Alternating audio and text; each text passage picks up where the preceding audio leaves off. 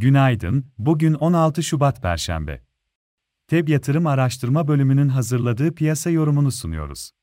Kahramanmaraş merkezde olup ve ülkemizin büyük bir bölümünde hissedilen deprem dolayısıyla milletimize geçmiş olsun dileklerimizi iletiyor, hayatını kaybedenlere Allah'tan rahmet, yakınlarına başsağlığı diliyoruz.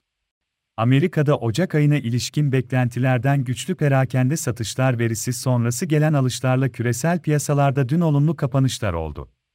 Amerikan endeksleri dün 0.1 ile %1 arasında yükseldi. Avrupa borsalarında %1 dolayında yükselişler gördük. Ancak güçlü verilerin Fed tarafında faizlerin uzun süre yüksek kalmasına neden olabileceği endişeleri endekslerde yukarı hareketi sınırladı.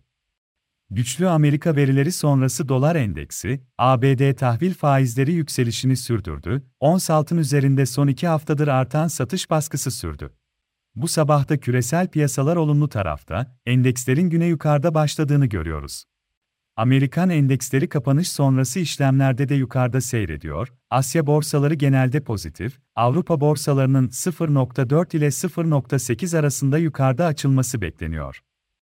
Amerika'da bugün üretici fiyatları, üfe enflasyonu, haftalık işsizlik başvuruları, konut başlangıçları verileri açıklanacak. Ocak ayında üfenin yıllık bazda 6.2 seviyesinden 5.4 seviyesine gerilemesi bekleniyor. Amerika'da salı günü açıklanan tüfe rakamları Ocak ayında beklentilerin üstünde gelmişti, tüfe verileri sonrası Fed tarafındaki beklentilerde önemli bir değişiklik olmamıştı. Bugünkü üfe verileri de Fed'in para politikası üzerinde oluşturacağı etkiler açısından piyasalar için önemli olacak.